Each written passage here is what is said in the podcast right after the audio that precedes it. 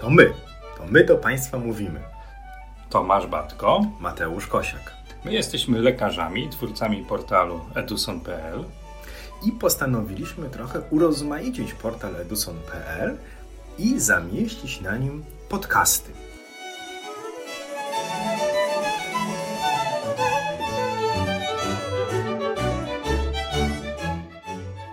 I wydawałoby się, że to jest takie proste, że w naczyniu krew sobie płynie. No ale do końca takie proste to to jednak nie jest. No nie jest to proste, bo to też naczynie naczyniu nierówne. I to nie tylko chodzi o to, o czym mówiliśmy sobie na poprzednich naszych spotkaniach z Państwem, że przepływ w tętnicach różni się od przepływu w żyłach, ale też ten przepływ zależy od tego, jak my daleko bądź blisko znajdujemy się pompy, czyli serca, bo to też wpływa na to, co my tak naprawdę w tym naczyniu będziemy zobaczyć. To jest jedna strona medalu, a druga strona medalu jest związana z tym, co się dzieje w świetle tego naczynia. Inaczej się te krwinki zachowują w środku tego naczynia, inaczej z brzegu tego naczynia, a czasem w ogóle wywijają różnego rodzaju fikołki i koziołki, sprawiając, że ten przepływ jest bardzo chaotyczny.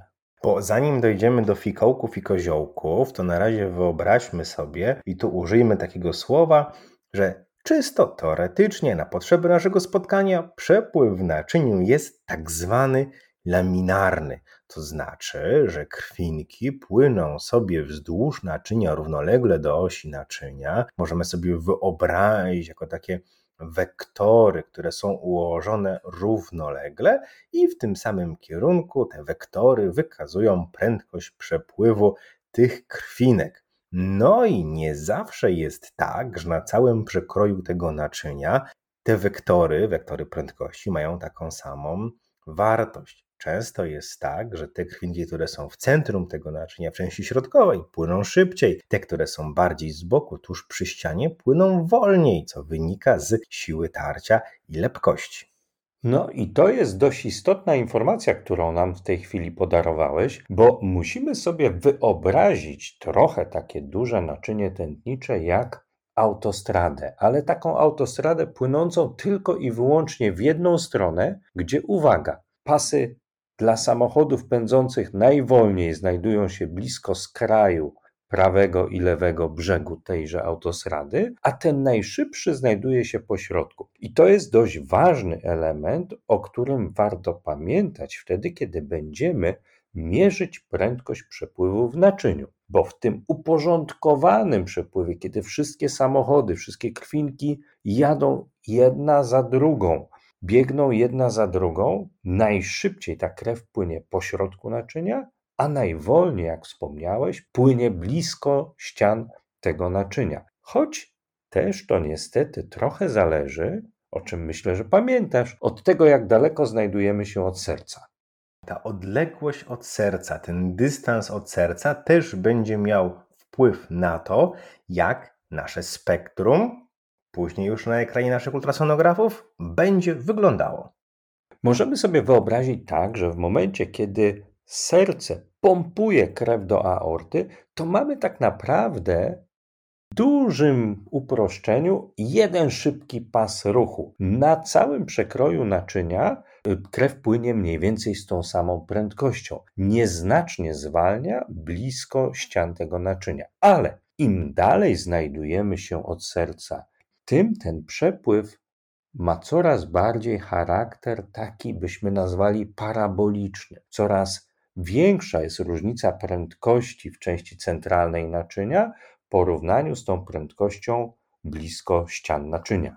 Zastanawiacie się Państwo, czemu my o tym mówimy? Jaki zrobić użytek z tych dwóch informacji? Z informacji o przepływie laminarnym, czyli że krwinki płyną niejako równoległe wektory, oraz jaki zrobić użytek z tej informacji, że czoło tego przepływu, ten rozkład prędkości czy sił może różnie wyglądać. Bo teraz dokładamy sobie jeszcze trzeci element na tym podcaście. Element, który nazywa się sample volume.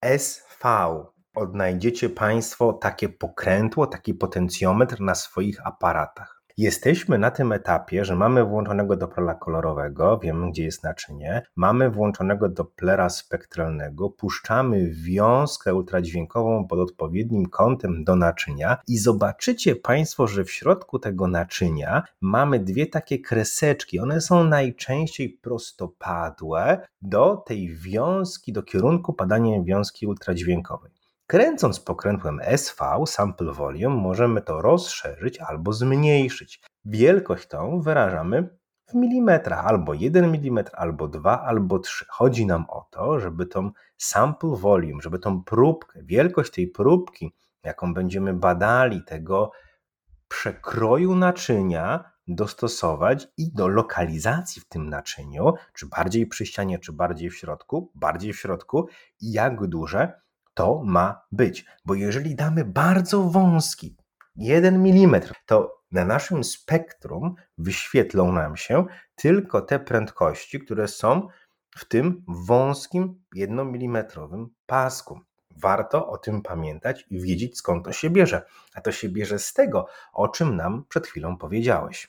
I tu są pewne zasady, o których warto pamiętać, jak szeroka powinna być ta bramka, o której mówisz, w stosunku do średnicy naczynia, bo to pozwoli nam uniknąć błędu pomiaru wynikającego z tego, o czym mówiłeś, że zbyt wąska bramka sprawi, że będziemy rejestrować tylko wybiórczą warstwę przepływu, w zależności od tego, jak daleko znajdujemy się od części centralnej naczynia bądź od ściany naczynia. I tak obrazowo mówiąc, jeżeli będziemy mieli bardzo wąską tą próbkę, to nasz wykres prędkości będzie przypominał EKG, ale nie jeśli chodzi o liczbę o załamki, tylko chodzi o to, że będzie po prostu taką linią. Jeżeli będziemy mieli szerszą tą bramkę, zarejestrujemy większą różnorodność prędkości w naszej próbce. Zanim oprócz tego najszybszego, najbardziej jasnego wychylenia będziemy mieli także kolory nieco mniej szare, pokazujące różnorodność prędkości w naszej próbce. I to bardzo ładnie widać, i do tego też Państwa zachęcamy, przy obrazowaniu dużych naczyń tętniczych. Tych niekoniecznie takich jak aorta, ale też na przykład tętnic biodrowych wspólnych. Spróbujcie zmienić Państwo wielkość tej bramki od bardzo wąskiej, położonej w centrum naczynia, do bardzo szerokiej, obejmującej całe światło naczynia i zobaczmy, jak zmienia się wykres w ocenie Dopplera spektralnego ponad linią bazową. Jak nam się powoli wysyca szarością, początkowo przy wąskim obrazie tylko wąska kreska, do tego szerokiego obrazu, gdzie mamy wysycony szarością cały wykres pod tą kreską oznaczającą maksymalne prędkości przepływu. No i może być taka sytuacja, że nasz przepływ z laminarnego, tego o którym mówiliśmy, przejdzie w przepływ turbulentny. To znaczy, że energia naszego przepływu nie będzie układała się równolegle, ale troszeczkę tak, jakby te wektory prędkości zaczynały gdzieś chaotycznie kręcić się nieco bardziej do boku, w ten sposób, że ta główna fala energii nie idzie równolegle do osi długiej naczynia, ale gdzieś zaczyna ta krew nam nieco się kotłować.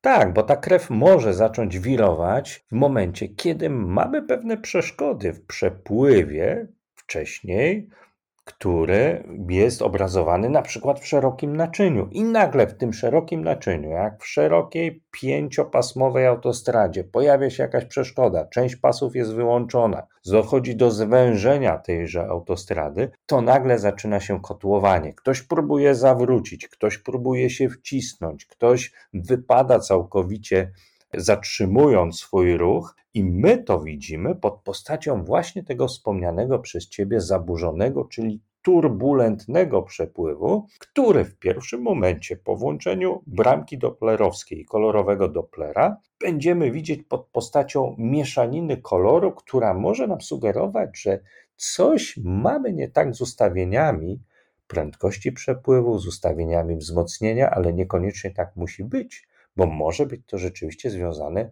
tą turbulencją, o której wspomniałeś. I co ciekawe, w momencie, kiedy dochodzi do takiego turbulentnego przepływu, na przykład związanego z tym, że dochodzi do zwężenia naczynia, to zmienia się charakter przepływu w naczyniu, również jeżeli chodzi o rozkład prędkości przepływu w tymże naczyniu względem ścian tego naczynia. Do tej pory w szerokim naczyniu krew najszybciej płynęła po środku. W momencie, kiedy dochodzi do jakiegoś zwężenia albo dzieli się nam naczynie tętnicze na dwie kolejne gałęzie, to nagle krew zaczyna najszybciej płynąć blisko ściany tego naczynia, co jest też możliwe do zauważenia w opcji Dopplera spektralnego. W ten sposób różne rodzaje przepływów konieczność zrozumienia tego, jak zachowuje się krew w naczyniu oraz konieczność dostosowania szerokości tej próbki, którą my chcemy nasz przepływ oglądać, wpływa na to, jakie spektrum widzimy, wpływa na to, jaką jakość sygnału doplerowskiego oglądamy. I zachęcamy Państwa do samodzielnych ćwiczeń. Włączmy sobie opcję Dopplera spektralnego, wybierzmy sobie różnej szerokości próbkę na ekranie aparatu USG, dużych naczyniach jak aorta i w mniejszych naczyniach, obrazując różne prędkości przepływu w zależności od tego, w której części tego naczynia, czy blisko ściany, czy blisko środka, ustawimy bramkę próbkującą. Z drugiej strony zwróćcie Państwo uwagę, że wcale nasz pacjent nie musi mieć zwężenia naczynia, na przykład związanego z procesem chorobowym z miażdżycą, żeby zobaczyć turbulentny przepływ. W wielu sytuacjach my ten turbulentny przepływ będziemy w stanie zobaczyć w miejscu podziału dużych naczyń na mniejsze gałęzie. Spróbujcie Państwo w ramach ćwiczeń obrazować miejsce podziału, na przykład aorty na tętnice biodrowe wspólne albo odejścia tętnic nerkowych. W wielu sytuacjach będziemy w stanie już w opcji kolorowego Dopplera zobaczyć turbulentny przepływ właśnie w tych miejscach. Każdy, zaczyna swoją przygodę z ultrasonografią, w tym z ultrasonografią doplerowską, chciałby zobaczyć pacjenta z jakąś patologią, żeby w ten sposób tę patologię sobie unaocznić, unausznić oraz w swojej głowie zapamiętać.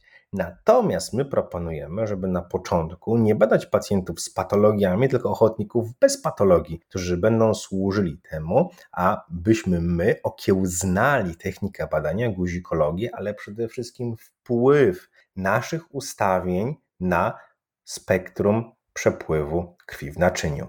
Żeby nie myliły się nam błędnie ustawione parametry obrazu ultrasonograficznego i doplerowskiego z rzeczywistym, turbulentnym przepływem, który zobaczymy w pewnego rodzaju patologiach. Powodzenia! Do usłyszenia.